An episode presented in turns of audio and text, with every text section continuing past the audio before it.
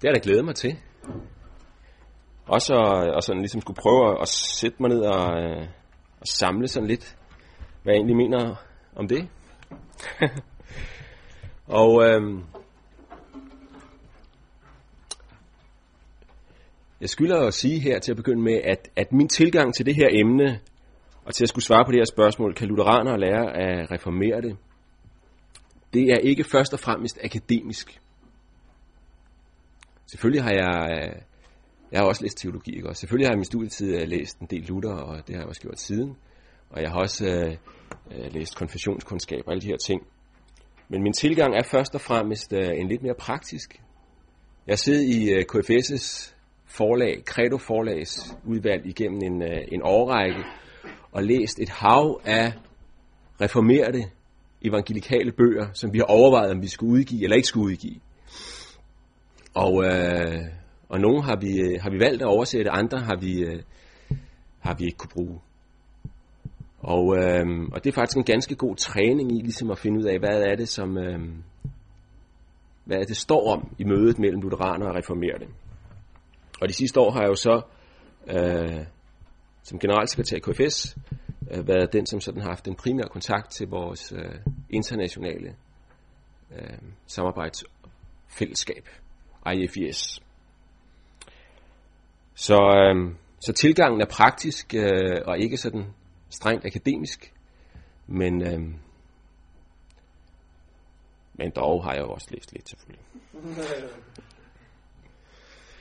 Jeg starter med at, at fortælle om to af to personer, som har betydet meget i KFS' øh, historie, og to episoder vedrørende dem, for ligesom at sætte temaet her.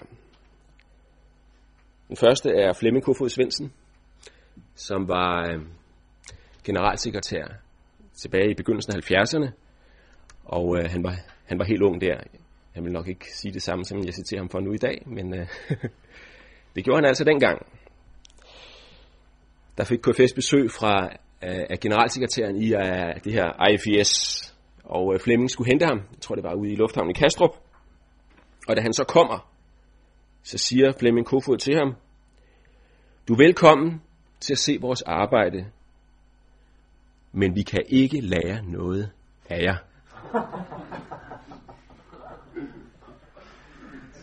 Så det var jo et klart svar. Den anden, øh, som jeg vil nævne af de her, der har betydet noget i KFS' historie, er Niels Ove Vigilius, som døde for få måneder siden. Hjemme i Rødovre, hvor han boede på hans kontor, der hang der, og jeg har det fra hans søn Mikkel, jeg kan ikke selv huske det, jeg har været der engang, men jeg kan ikke lige huske det. Men jeg har det fra hans søn Mikkel, der hang der tre øh, portrætter. Og det var jo de åndelige fædre. Den første, det var Martin Luther. Den anden var Karl Olof Rosenius. Og den tredje var Martin Lloyd Jones, som var en øh, presbyteriansk evangelikal kirkeleder i midten af forrige århundrede. Præst i London den meste tid.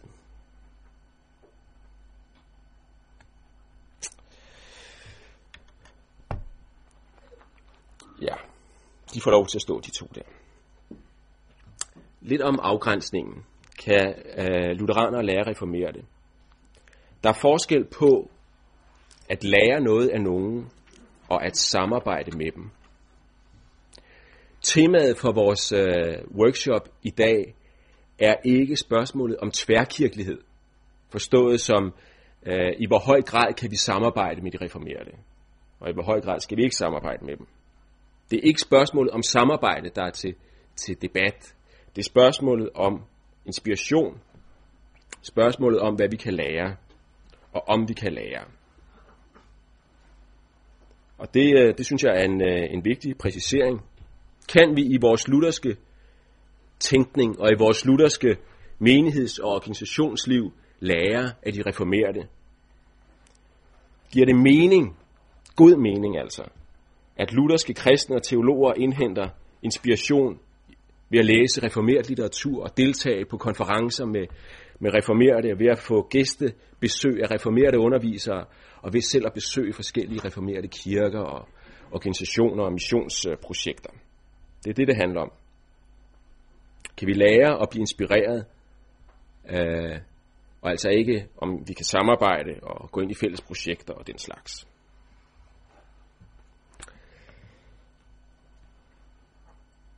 I spørgsmålet, kan lutheranere lære at reformere det, der ligger der også en, øh, for mig at se i hvert fald to spørgsmål.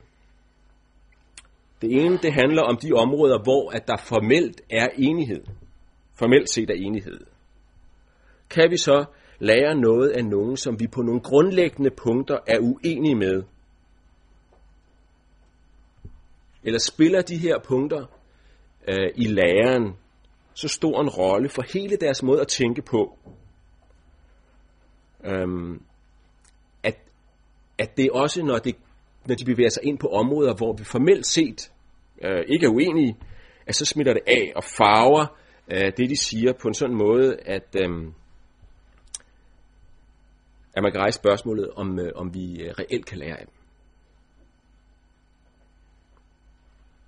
Det er det ene. Det andet det er, kan den lutherske tradition helt overordnet lære noget af den reformerede tradition. Eller man kan formulere det på den måde, findes der sider af de, Bibelens samlede vidnesbyrd, som er overset eller underbetonet i den lutherske tradition, men som er øhm, øh, tydeligere fremme i en reformeret tradition, og som vi derfor kan lære af, ikke bare som et, hvad skal vi sige, område, hvor at, øhm, der formelt set ikke er forskel, men at vi faktisk positivt kan lære noget af nogle elementer i den reformerede tradition, som, hvad skal vi sige, befinder sig i øh, vores egen blinde vinkel, hvis vi har sådan en. For at kunne svare på de to spørgsmål, så bliver vi nødt til først at se lidt på forskellene og lighederne mellem øh, lutherske og reformerede. Og øh, der jo altså har den her praktiske tilgang, og ikke en meget øh, akademisk tilgang, så, så skulle det være muligt at gøre på, på kortere tid jo. Hvad er reformeret kristendom? Reformeret kristendom er ikke noget entydigt begreb. Jeg tror, når vi taler om reformerte, og når det også bruges i den her sammenhæng, som vi har nu, så, så tænker vi på den del af reformationen, som ikke er luthersk. Det vil sige Calvin, Zwingli og alle de andre. Og det, som fulgte efter dem. Den ikke-lutherske del af den protestantiske kirke. Det er et samlet begreb. Men det betyder altså også, at der er meget stor forskel på, øh, på øh, hvor vi befinder os i den her bredt definerede reformerede lejr. Um, det jeg vil prøve at forholde mig til og, og tage udgangspunkt i, det er det, som er også er blevet kaldt for, for øh, den evangelikale øh, evangelikal kristendom. Den har jo overvejende et reformeret udgangspunkt, selvom at der selvfølgelig også et eller andet sted, så betragtes vi jo også for eksempel her på, øh, på MF i den større sammenhæng som, som evangelikale, forstået som det er bibeltro, missionsorienterede øh, kristne. Men indenfor, derindenfor, der er der altså et ret vidt spektrum. Vi har anglikanerne, som, øh, som faktisk har en, en, en vis luthersk inspiration, men også en, et, øh, et, et, reformeret præg. Så lidt længere, så har vi de gamle reformerede, eller presbyterianerne, eller de hollandske, øh, den hollandsk reformerede kirke, eller kirkerne dernede, der er jo flere. Og så kommer vi lidt længere, og så er der baptisterne, og til sidst har vi også pinsefolkene og de andre pentekostale kirker. Men de hører alt sammen med ind under den her øh, Øh, paraply af reformeret kristendom. Men det betyder altså, at de ikke er helt entydige. Der er nogle reformerede, vi er betydeligt mere enige med end andre. Det har for eksempel slået mig, at øh, når jeg i øh, IFS-regi har mødt nogen, som øh, har en reformeret, øh, står i en reformeret tradition, så har jeg langt mere til fælles med dem. Mange af dem for eksempel presbyterianere eller anglikanere. Jeg har langt mere til fælles med dem, end jeg har med, med øh, den øh, nye kristne studenterbevægelse, som er startet i Danmark for nogle få år siden, der hedder Ny Generation, øh, og som er, har en overvægt øh, af, af folk fra, fra Pinsekirken, og også lidt baptister, og også nogle fra trosbevægelsen i Danmark og sådan noget. De hører et eller andet sted også til i den reformerede lejr, men der er altså en verden til forskel øh, på, om man taler med den, med den ene gruppe eller den anden. Øhm. og den forskel i den reformerede lejr bliver vi nødt til at tage alvorligt.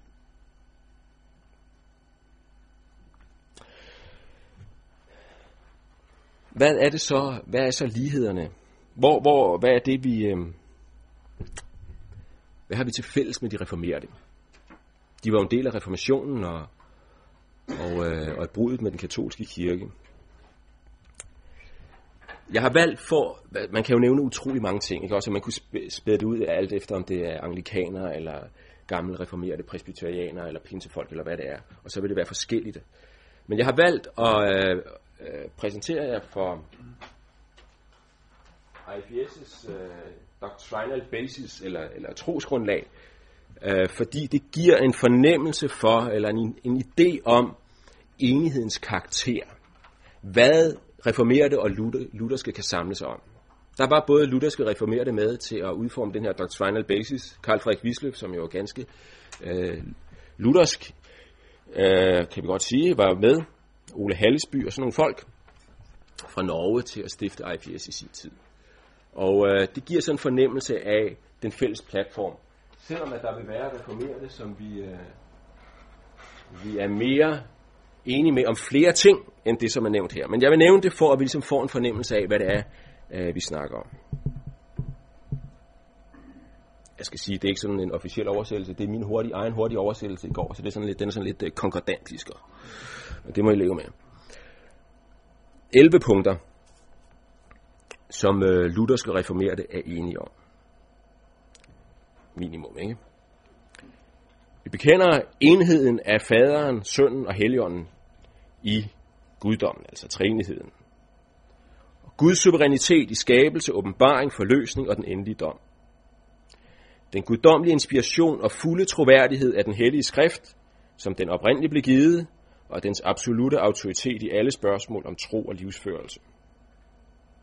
Alle menneskers universelle syndighed og skyld siden faldet, som gør dem til genstand for Guds vrede og fordømmelse. Forløsning fra skylden, dommen, syndens herredømme og besmittelse, alene gennem den inkarnerede Guds søns, Herren Jesu Kristi offerdød, som vores repræsentant og stedfortræder. Herren Jesu Kristi læmelige opstandelse fra døden og hans opstigning til Guds faders højre hånd. Helligåndens nærvær og kraft i genfødelsen. Retfærdiggørelse af synderen ved Guds nåde gennem tro alene. Helligåndens tilstedeværelse og arbejde i den trone. Den hellige universelle kirke, som er Kristi lægeme og som alle sande troende tilhører. Forventningen om Herren Jesu Kristi personlige genkomst.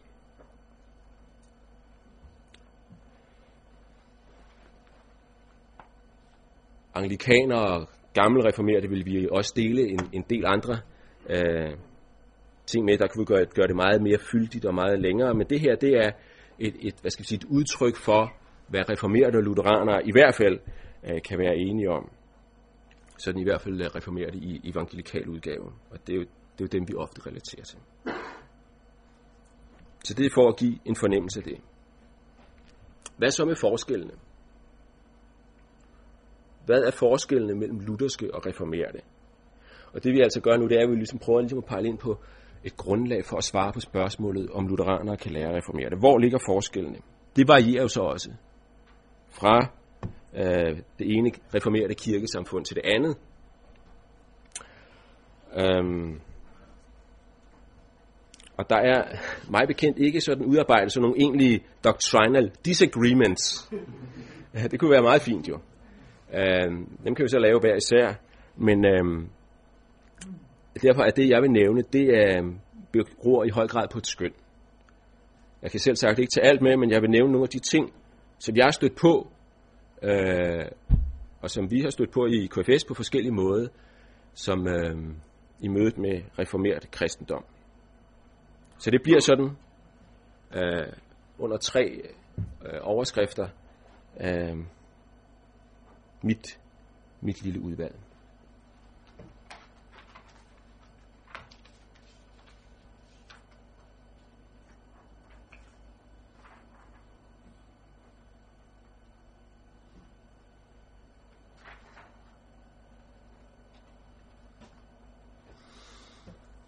de kunne godt være pindet ud hver af dem sådan lidt mere, så, nu, øh, så der er lidt underpunkter til dem. Det første, øh, jeg, jeg vil sige, som, øh, som jeg har mødt, og som jeg, jeg oplever som noget ret grundlæggende i forskellen på luthersk og reformeret kristendom, det er, øh, at de reformerede har generelt et mere optimistisk syn på mennesket før og efter genfødelsen, i forhold til det, jeg vil være så frimodig at kalde de lutherske mere mere realistiske syn på mennesket før og efter genfødslen. Altså menneskesynet, både før og efter. Når det gælder mennesket før det naturlige menneske, så kan man stille spørgsmålet, er mennesket i stand til selv at søge Gud? Er mennesket i stand til selv at vælge Gud? At ville Gud? Er mennesket i stand til at tro, hvis det vil? Mange i den reformerede lejr, ikke alle, men mange vil svare bekræftende på det. Ja, vil de sige. Mennesket kan selv søge Gud, kan selv vælge Gud, kan selv tro, når det vil og beslutter sig for det. Og de vil ofte tillægge menneskets valg og beslutning i omvendelsen meget stor betydning.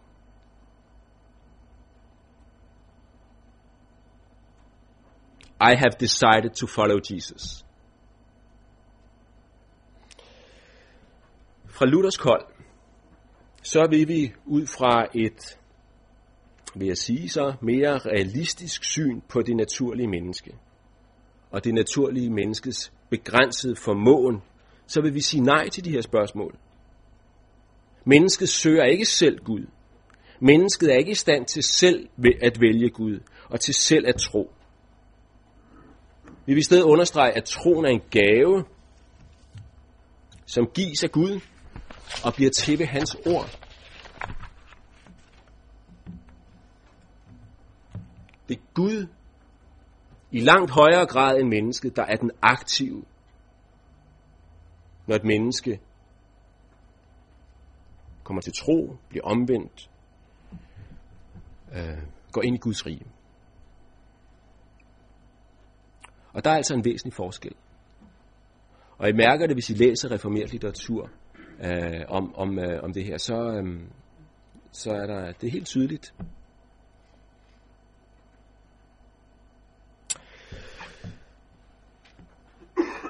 Hvad så med livet efter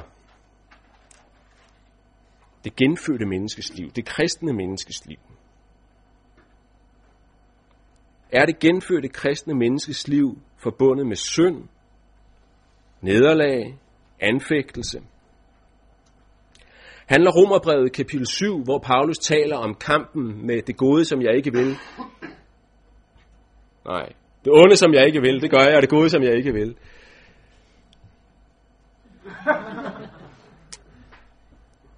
Det onde, som jeg ikke vil, det gør jeg, og det gode, som jeg vil, det gør jeg ikke. Ikke? Den her spænding, Handler den om hans liv før han blev en kristen, eller handler det om ham som et kristent menneske?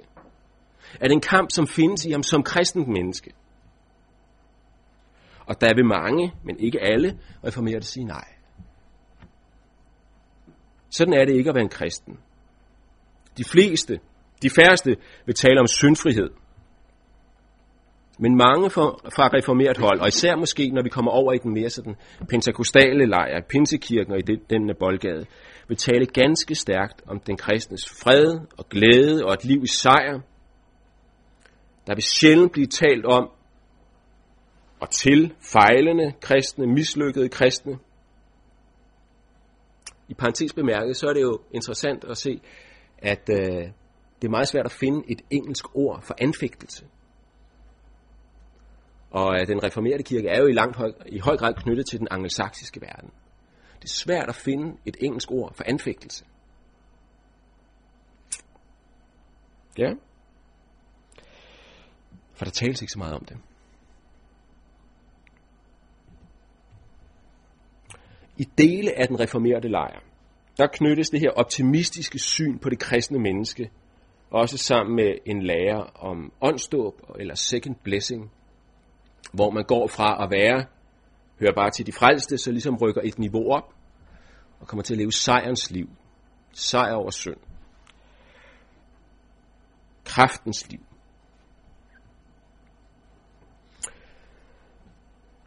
Fra Luthers kold, så vil vi til de her spørgsmål, jeg startede med, øh, sagde før, med om, om en kristen, det kristne liv er forbundet med synd og nederlag og anfægtelse, om Romerbrevet 7 handler om en kristen, så vi svarer ja. Ja, det forekommer i en kristens liv. Freden er ikke først og fremmest freden, som vi føler i vores hjerte, men det er den objektive fred. Det er med et øh, Rosenius ord, det er nåden i Guds hjerte, som er vigtigere end nåden i vores eget hjerte. For freden og glæden i vores følelser er flygtige og ofte utilregnelige, opblandet med alt muligt andet. Vi vil øh, som lutherske kristne understrege, at den kristne er på samme tid retfærdig og sønder. Simul justus et peccator. Og til det her realistiske menneskesyn hører korsteologien i hele dens bredde. Det er blevet sagt, at Luthers teologi er blevet til ud fra anfægtelsens situation. Og det tror jeg er sådan set langt på vej øh, er rigtigt. Og det betyder, at den Luthers teologi er en teologi, der holder, når vores kristenliv ikke holder.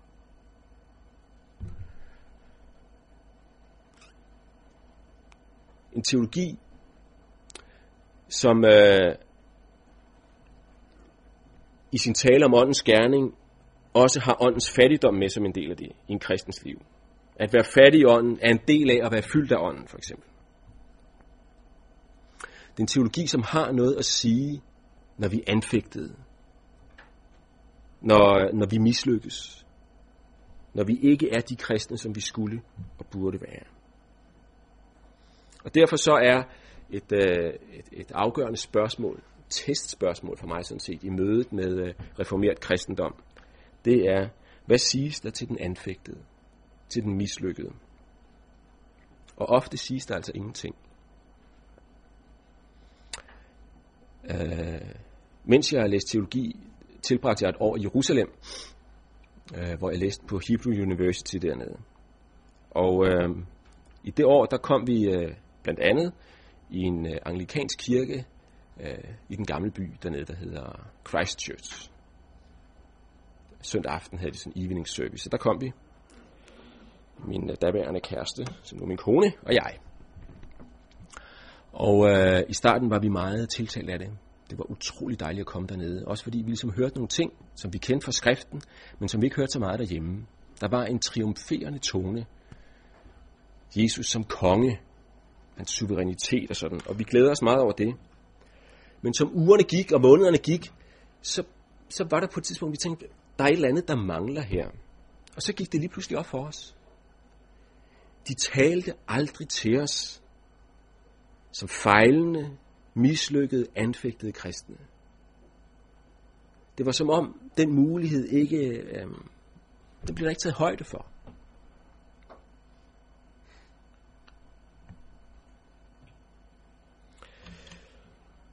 Det var det med, med det optimistiske syn på mennesket, både før og efter genfødslen. Det andet, jeg vil nævne, øh, som som øh, jeg har stået på, det er et reduceret syn på sakramenterne. Igen, så øh, når vi går til den her bredt sammensatte reformerede lejr, så er der ikke enighed om sakramenternes betydning. Men generelt, så tror jeg alligevel, det er rigtigt at sige, at der i den reformerede lejr, og der er det uanset hvor vi så kommer hen i den, er et reduceret syn på sakramenterne i forhold til en luthersk forståelse. Det gælder om dåben for eksempel. nogle reformerede døber børn. De døber også børn i den anglikanske kirke, men de taler ikke om genfødsel knyttet til dåben. Det er en indlevelse i menigheden. Nøddåb giver ikke mening i den sammenhæng. Andre i den reformerede lejr døber kun voksne. Og der er dåben øh, i endnu højere grad en, øh, en bekendelseshandling, en lydighedshandling, hvor jeg bekender, at nu er en af dem, som følger Jesus. Så alle kan se det, samtidig med, at det er en indlemmelse i menigheden. De taler om troneståb, og anerkender derfor ikke øh, børns dåb, fordi børn har ikke en bevidst tro, og derfor så vil den, som er døbt som barn, skulle døbes igen, hvis man skal være med i sådan en menighed. I den lutherske kirke har vi derimod et højt syn på dåben. Det er et vigtigt nådemiddel, et middel, hvor igennem Gud rækker os sin nåde, hvor han genføder os og meddeler os, giver os frelsens gaver.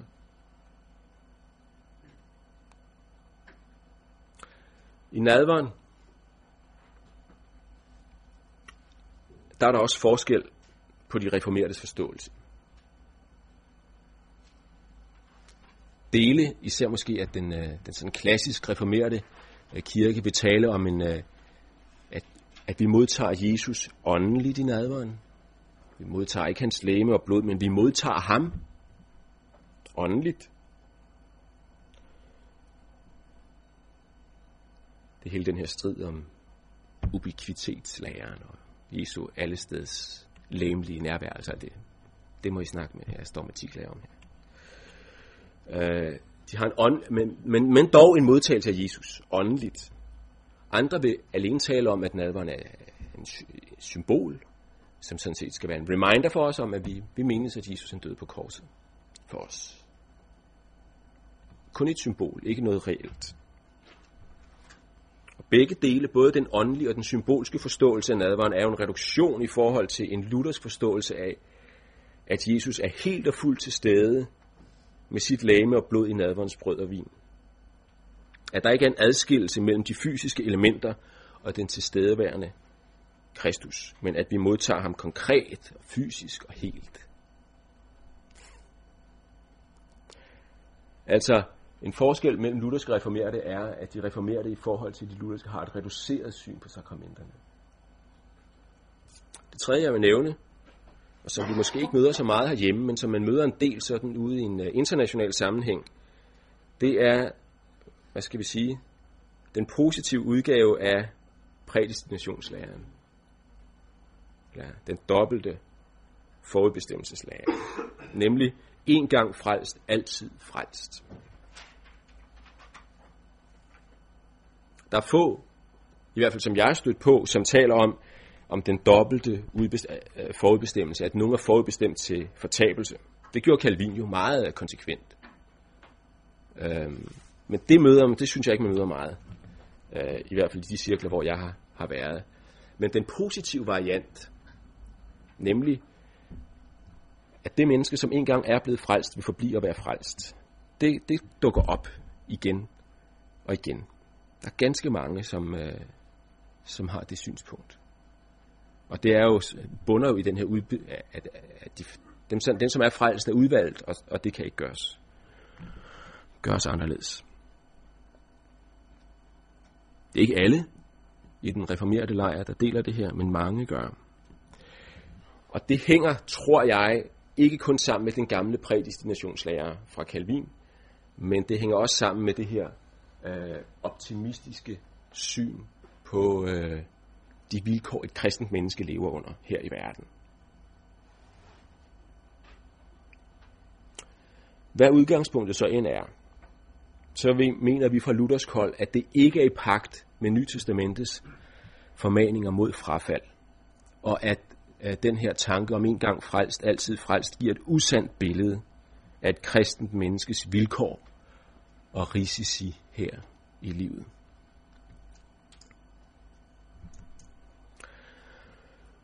Der er selvfølgelig flere punkter, hvor man kan øh, mærke uenigheden med, i forhold til de reformerede, men det var, hvad jeg har ville nævne her, og kan eventuelt senere komme ind på nogle andre, hvis det er. Og så går vi tilbage til spørgsmålene. På den her baggrund, kan vi, lutheranere, lære noget af nogen, som vi på grundlæggende punkter, som jeg har nævnt her, er uenige med? Eller spiller de her punkter så stor en rolle for hele deres tænkning, så at det i det hele taget er problematisk, og vi lærer at reformere det selv på områder, hvor vi formelt set ikke skulle være uenige.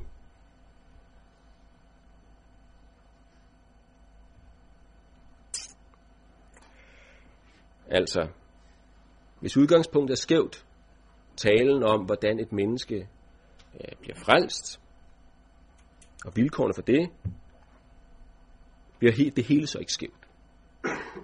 Er det ikke ligesom tårnet i Pisa, det skæve altså, det skæve tårn i Pisa, at fordi fundamentet er skævt, så er hele tårnet skævt, uanset hvor på tårnet du går ind og kigger.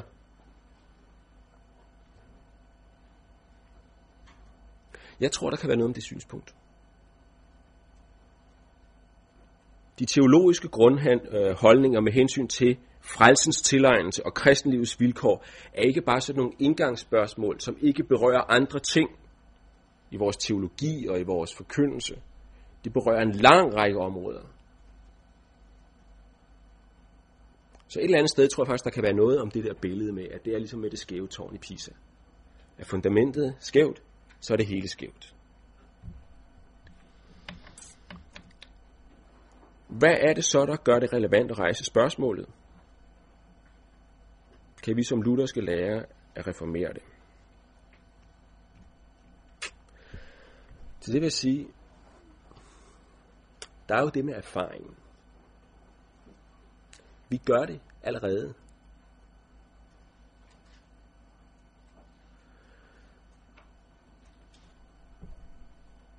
Det er svært at sige, at øh, vi, vi ikke kan lære noget, hvis vi faktisk allerede gør det. Øhm, og derfor så kan man sige, at, at man, man godt have det sådan, fordi at man, øh, man måske har, har den erfaring, vi har lært noget af nogle reformerede i forskellige sammenhæng, at så, øh, så er svaret sådan set givet, uden at vi har tænkt videre over det på forhånd. Ja, lutheraner kan lære at reformere det, for det har jeg gjort. Og jeg tror ikke, at vi kan komme uden om vores erfaring. Men vi skal også gøre os klart, at det er også farligt, men alt for hurtig og ureflekteret konklusion, bare ud fra sin erfaring.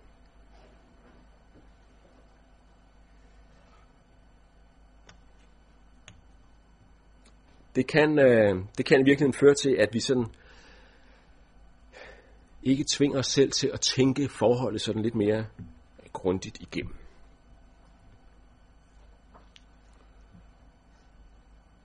Det andet, man kan sige, det er, at øh, lutheranerne de udgør en meget lille del af den kristne kirke, også af den protestantiske kirke her øh, på jorden.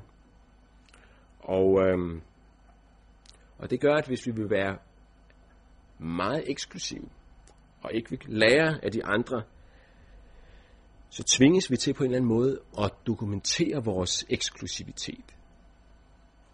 Det er lettere, hvis man er den store majoritet, ikke? så behøver man ikke begrunde så meget. Det er lidt ligesom med amerikanerne. Ikke? Men når man er den lille og vil være eksklusiv, så, øhm, så skal man kunne begrunde det.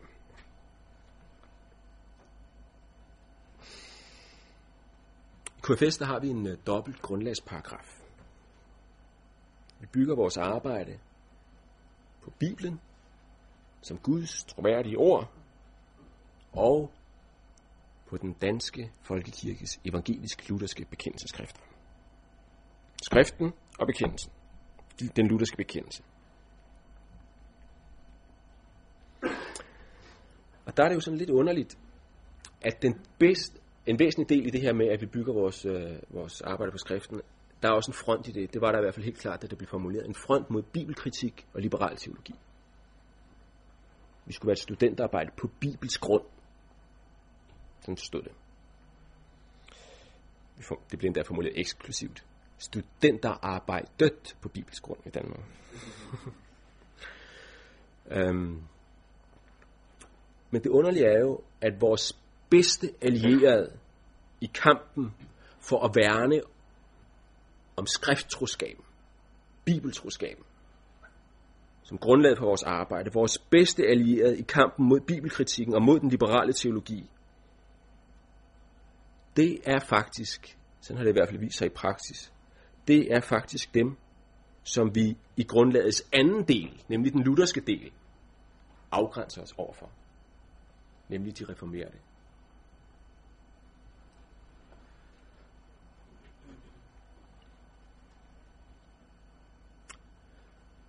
Troskaben mod skriften øhm, er siden KFS' start, og også på DBI, som jeg kender mest til, men jeg tror også, det er sådan her på F, på MF, der er, det, der er troskaben mod skriften i høj grad sket med en kompetent, faglig støtte fra bibeltro, reformerede teologer.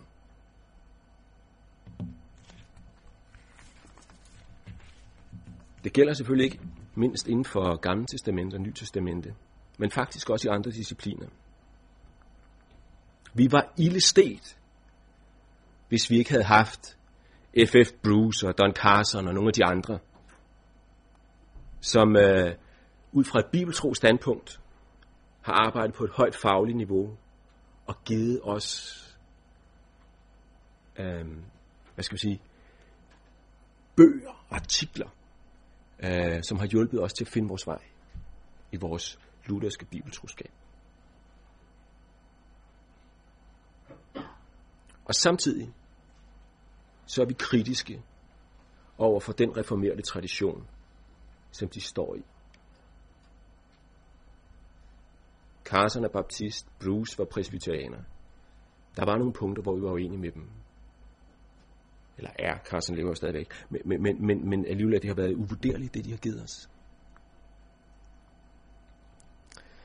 Og hermed så synes jeg, at dilemmaet er givet. Eksemplificeret på et område, som, øh, som øh, måske ikke er så kontroversielt, som øh, hvis vi taler Willow Creek og den slags ting. Vi har i den evangelikale reformerede lejr en lang række mennesker, som vi deler skriftsyn med, som vi deler ikke bare en formel, men en reel tilslutning til de oldkirkelige bekendelseskrifter med, som vi deler en række af de reformatoriske hovedanlægner med, og som vi deler missionsforpligtelsen med. Og det er faktisk mere, end vi kan sige om rigtig mange lutherske teologer og præster i den hjemlige andedam.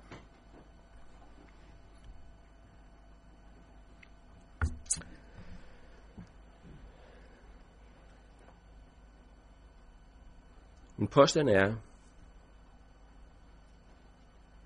at vi har så meget til fælles med mange af vores reformerede brødre og søstre i den evangelikale lejr, at vi kan lære af dem, når de har oparbejdet kompetence på et eller andet område, inden for teologi eller praktisk menighedsliv.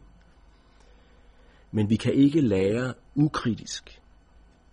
For samtidig med, at vi er enige med dem på en lang række punkter, er der også en række forhold af mere grundlæggende karakter, hvor vi er uenige, og som giver deres teologi en bestemt farve. Derfor skal vi lære på nogle af de her områder, øh, hvor de har ekspertise. Men vi skal gøre det selektivt og korrigerende og filtrerende. Noget kan uden videre inkorporeres i et luthersk helhedssyn. Andet skal ændres. Noget meget, noget mindre.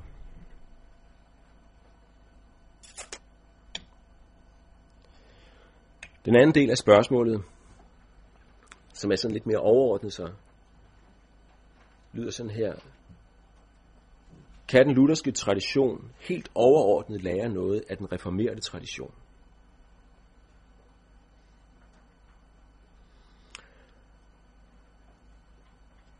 Jeg kan se, at tiden er gået, men øh,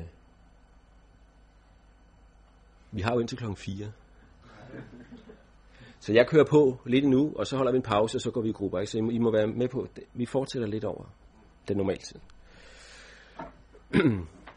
Her taler vi altså ikke om de her neutrale områder, øh, hvor der ikke er nogen øh, formel uenighed, men her taler vi om områder, hvor at vi øh, tydeligt, når vi ser den lutherske og den reformerede tra- tradition over for hinanden, at der er forskel. kan den lutherske tradition lære noget af den reformerede tradition.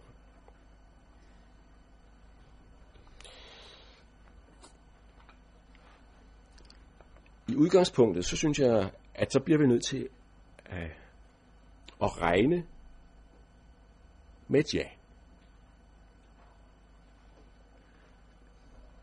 At vi på en eller anden måde må forvente, at der kan være sider af skriftens samlede vidnesbyrd, som har været overset eller underbetonet øhm, i vores lutherske tradition, dog uden at være fornægtet, men som har fået en mere fremskudt plads i den reformerede lejr.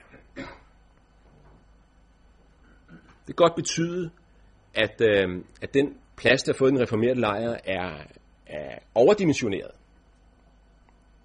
Men det dog er temasat på en anden måde end hos os, hvor det hos os måske kun ligger som noget potentielt.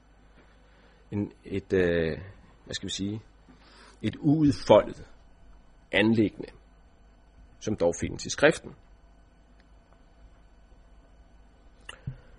Øhm, når jeg siger, at vi må forvente det, så siger jeg ikke dermed, at øh, den lutherske og den reformerede tradition er sidestillet. Det mener jeg ikke, det er. Øh, jeg indbyder heller ikke til, at vi skal havne i sådan en lærerrelativisme, hvor det ene kan være lige så godt som det andet. Men det må betyde en passende ydmyghed i erkendelsen af, at vi erkender stykkevis og profiterer stykkevis, som Paulus siger. Og at det ikke bare gælder os, men det faktisk også galt de lutherske fædre. Og at øh, det, de lutherske fædre gør, det er, at de skal føres tilbage til de bibelske skrifter.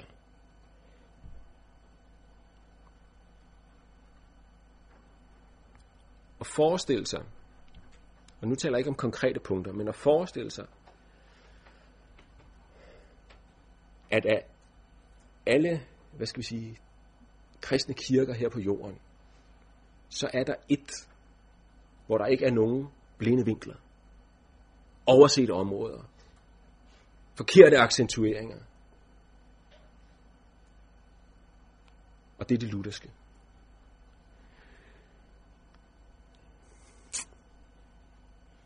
Det tror jeg er lidt øh, umodent.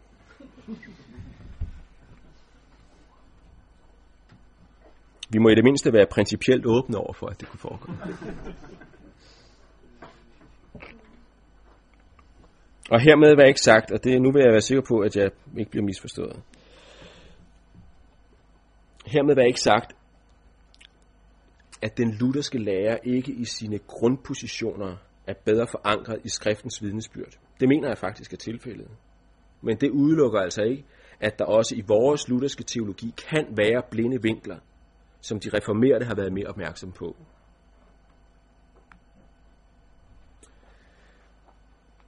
Det vi kan lære af de reformerede, vil nogen sige, og jeg er tilbøjelig til at give dem ret, findes allerede i lutherdommen. Men de reformerede kan måske hjælpe os til at frigive et potentiale, som har ligget underdrejet hos os selv. Sådan tænker jeg om det. Det handler altså ikke så meget om, at der er nogle punkter, hvor de har ret, og vi har uret, men snarere om, at der kan være visse bibelske anlægner, som har været overset eller underbetonet hos os, men som de reformerede i højere grad har dyrket. Nogle gange også på en måde, så at, øh, at vi ikke kan følge dem i det. Men de har temasat det. Og det kan vi godt lære af at forene med vores øvrige gode lutherske tradition.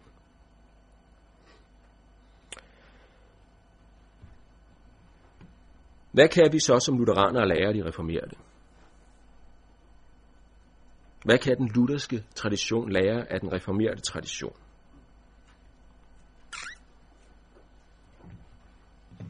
Jeg våget øje og nævne seks forhold. Og jeg vil gerne sige, at det handler for mig ikke om, om fraværende ting i, principiel forstand, men det handler måske mere om accentuering. Det første, jeg vil nævne, er et engelsk ord, nemlig commitment. Det er så til gengæld svært at finde dækkende ord for det på dansk. Og det siger jo en hel masse i virkeligheden. Ikke? Det siger en hel masse. Men det handler om øh, at forpligte sig, om øh, at være hengiven, om øh, engagement, om at sætte sig selv ind på noget. Blandt andet. Der er mange betydningsnuancer. Og man kan sige, at hvis øh, anfægtelse som et hovedord over det kristne liv i lutherdommen øh, er det, så står commitment nok som et hovedord over det kristne liv i den reformerede tradition. Og jeg vil gerne sige, hvis det handler om at bytte, så vil jeg ikke bytte. Jeg vil ikke bytte. Øhm, og gøre commitment til omdrejningspunktet for min forkyndelse og min tænkning og mit praktiske kristenliv. Jeg tror faktisk, at anfægtelsens udgangspunkt giver en forkyndelse, der holder i de marginale, pressede situationer, og at det matcher den kristnes grundvilkår her i verden langt bedre. Og jeg tror, at commitment, øh, når det sådan pumpes ud over folk hele tiden, kan gøre, at man, mange kristne kører fuldstændig trætte og knækker halsen. Men når det så er sagt, så tror jeg måske godt, at vi lutheranere kan have overset en commitment-dimension, som faktisk findes i skriften. Og at det, at vi har overset den, nogle gange har ført til, at vi er ind i en lidt doven og dvask kristendom. Lidt passiv. Tilbagelænet. Nå ja, vi er jo alle sammen søndere. Det lærte Luther også. Vores trosbegreb er passivt modtagende. Og jeg tror, at det er kernen i det. Men jeg tror godt, det kunne suppleres med lidt commitment. Ikke sådan inde ved centrum. Jeg tror faktisk, centrum er der, hvor det, hvor det skal være hos os. Men alligevel få det med i den samlede totalitet, som en komplementaritet om det kristne liv med udgangspunktet i noget, der kan bære i den anfægtede situation, men som også har en commitment-dimension med sig, som vi finder den også i skriften for eksempel. Det var det første. Det andet, hvor jeg synes, at vi kan lære, som lutheraner kan lære lidt af den reformerede tradition, af, kunne man kalde for Guds suverænitet.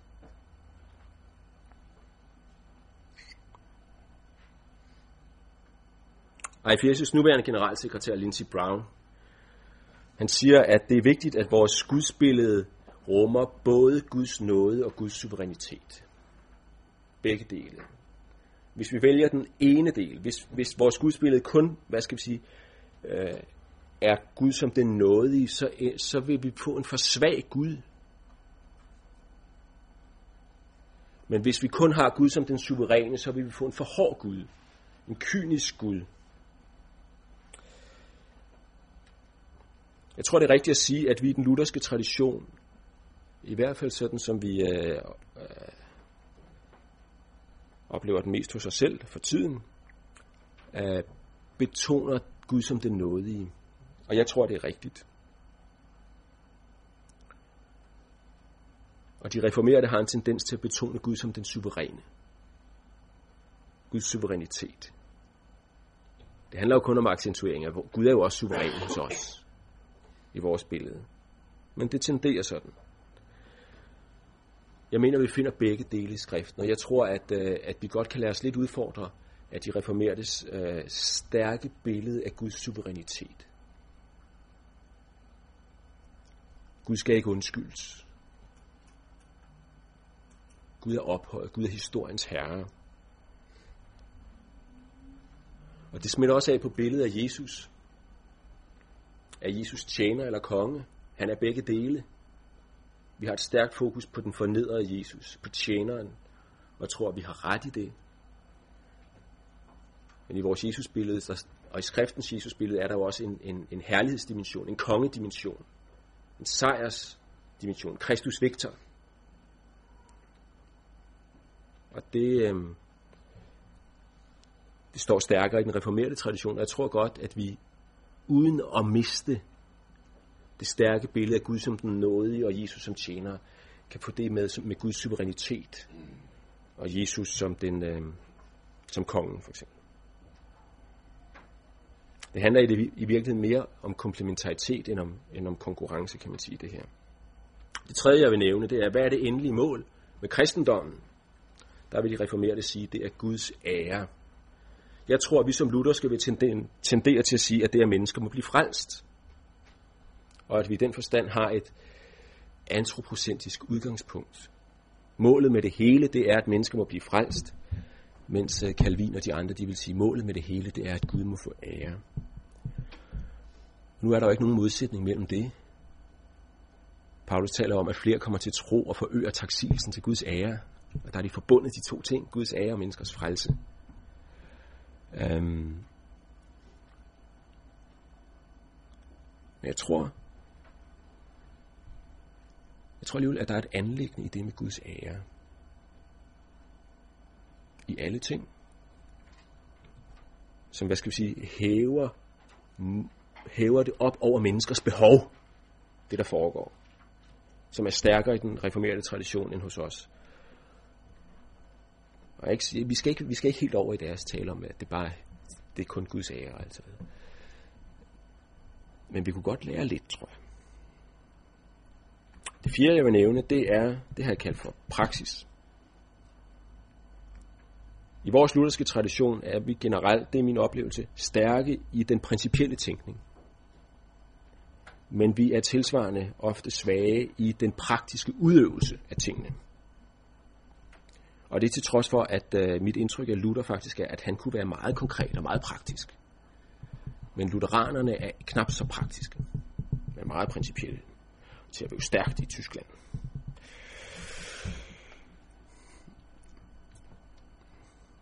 Og det gør, at vi nogle gange er lidt tøvende, når det gælder det helt konkrete, praktiske menighedsliv.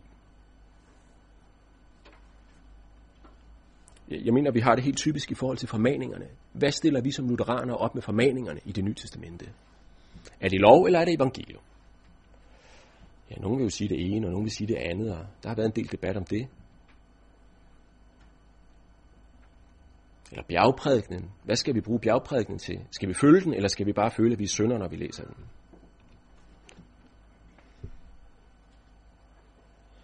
Øh, og det tror jeg afspejler lidt af, hvad skal vi sige, vi er stærke i de principielle overvejelser, men vi er nogle gange lidt svage, når det gælder praksis.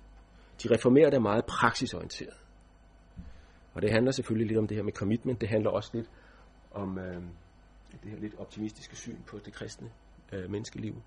Men der er noget, der er en udfordring alligevel i at få tingene omsat til det konkrete, praktiske liv, som jeg oplever som en udfordring fra den reformerede leje. Det handler om helt konkrete områder. Evangelisation, menighedsliv, menighedsopbygning, lederskab og sådan nogle ting. Det femte punkt, jeg vil nævne, det er mission. Historisk set har mission jo spillet en forholdsvis tilbagetrukken rolle i lutherdommen. De fleste protestantiske missionærer er jo, er jo ikke lutherske.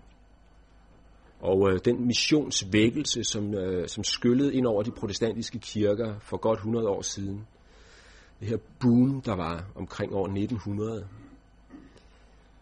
det var jo ikke først og fremmest med udgangspunkt hos os lutherske. Det må vi sige.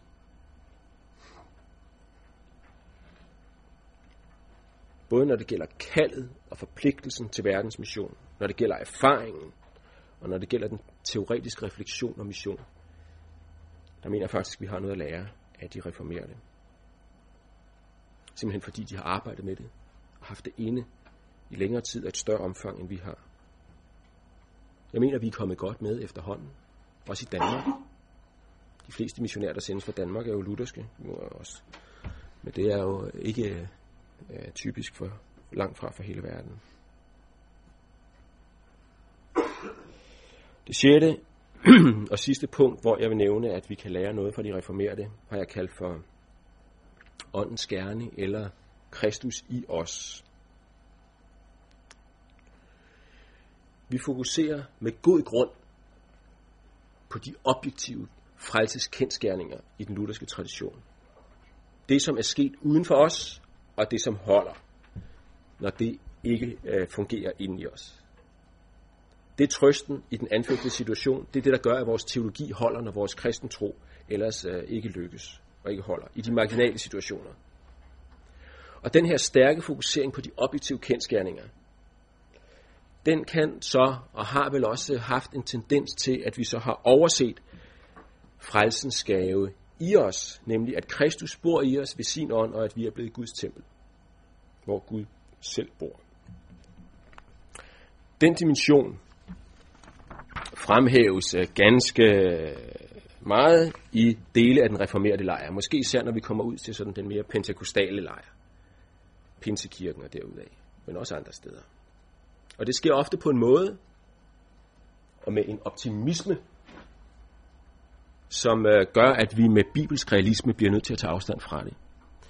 Men det fjerner altså ikke anlæggende, som findes i skriften, og som ikke er i strid med luthersk tro. Nemlig at Kristus bor i os, og han har givet os sin ånd. Altså den her mere subjektive øh, del, eller den, den, hvad skal vi sige, det som ikke er en retfærdighed, vi har i himlen, men som er et nærvær, vi har af ham her på jorden. Vi anklager indimellem de reformerede for at glemme det gamle menneske, at det stadig findes i en kristen. Og jeg tror, vi gør det med rette. Men de kan måske også med en vis ret anklage os for aldrig at tale om det nye menneske og det nye hjerte, som er født i os ved Guds ånd, som en reel virkelighed i enhver sand kristens liv. Inspirationen for de reformerede på det her punkt er måske ikke så meget det, som de siger om åndens gerning, og det, som de siger om Kristus i os, men at de understreger, at der er noget i skriften om åndens gerning og om Kristus i os. Det er den positive udfordring. Og det handler ikke om, at det er noget, der skal erstatte vores fokus på de objektive frelseskendskærninger. Men det skal komplementere det, når vi taler om frelsens gaver og frelsens virkelighed.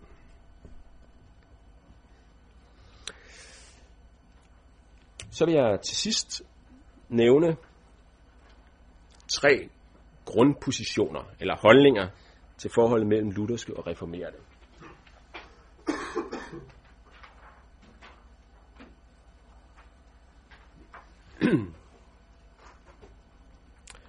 Og den første, den har jeg kaldt for den naivt modtagende holdning. Det er de øh, lutherske, som gerne, meget gerne vil lære de reformerede, fordi at de er deres kristne brødre og søstre, og de føler ingen trang til at udvise nogen form for skepsis over for dem. Jeg mener, og nu taler jeg fuldstændig ugarderet, så kan I skyde mig ned bagefter, jeg mener at kunne jagtage en udpræget naivitet hos en hel del af vores lutherske karismatikere, når det gælder om at tage imod inspiration fra den reformerede tradition. Og et tydeligt eksempel på det er for mig at se for eksempel modtagelsen af Toronto-bevægelsen og Toronto-bølgen for nogle år siden. Faren ved den her naivt modtagende holdning er, at øh, man lærer så meget af de reformerede, at man smider gode lutherske børn ud med badevandet, for at sige det. Ja. Den anden mulige holdning er, har jeg kaldt for den kritisk afvisende holdning. Den holdning, som øh, øh, tænker alene ud fra det billede, jeg havde med det skæve tårn i Pisa. Man mener, at de reformerede grundlæggende har misforstået frelsens vej og det kristne livs vilkår og det sætter en skade i al deres teologi, og al deres undervisning og al deres tænkning. I en sådan grad, at hvis man begynder at lære af dem på det ene eller det andet punkt, så vil man, øh, hvad skal vi sige, så drikker man reformeret teologi, Og det vil uværligt ende med at sætte sig i vores egen grundlæggende forståelse af frelsen og frelsens tilegnelse og det kristne livs vilkår.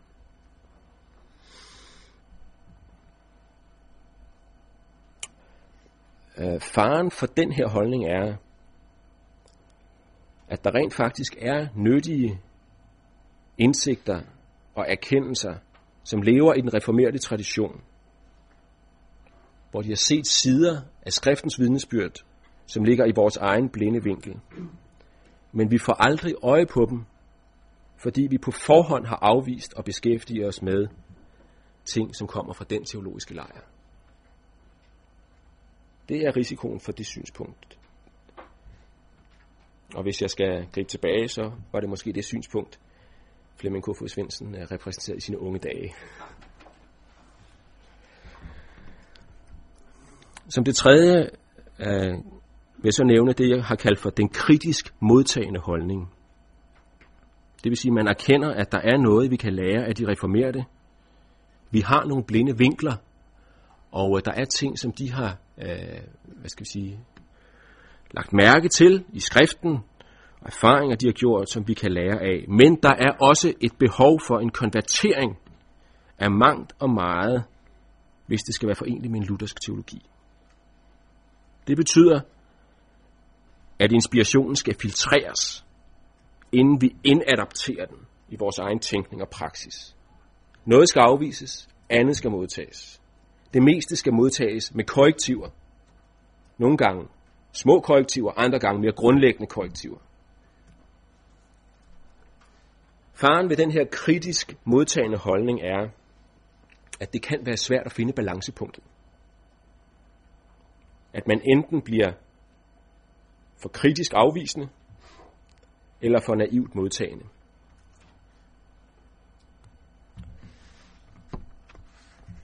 Hvis jeg skal gribe tilbage, så er øh, Niels Oves tre billeder, Vigiluses billeder på sit kontor, måske i virkeligheden et udtryk for den her holdning. I en eller anden grad. Og øh, øh som I sikkert har fornemmet, så er det faktisk også, jeg tror, det er den rigtige vej i forhold til de reformerede for os. En kritisk modtagende holdning. Og det indebærer, og så konkluderer jeg i tre punkter. Vi kan lære af de reformerede, men et. Vi skal, vi skal ikke smide barnet eller børnene ud med badevandet. 2.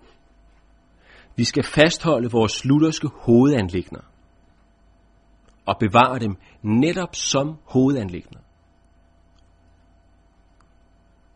Og tre. Vi skal våge at komplementere vores egen tradition med bibelske elementer, som er tydeligere fremme i den reformerede tradition.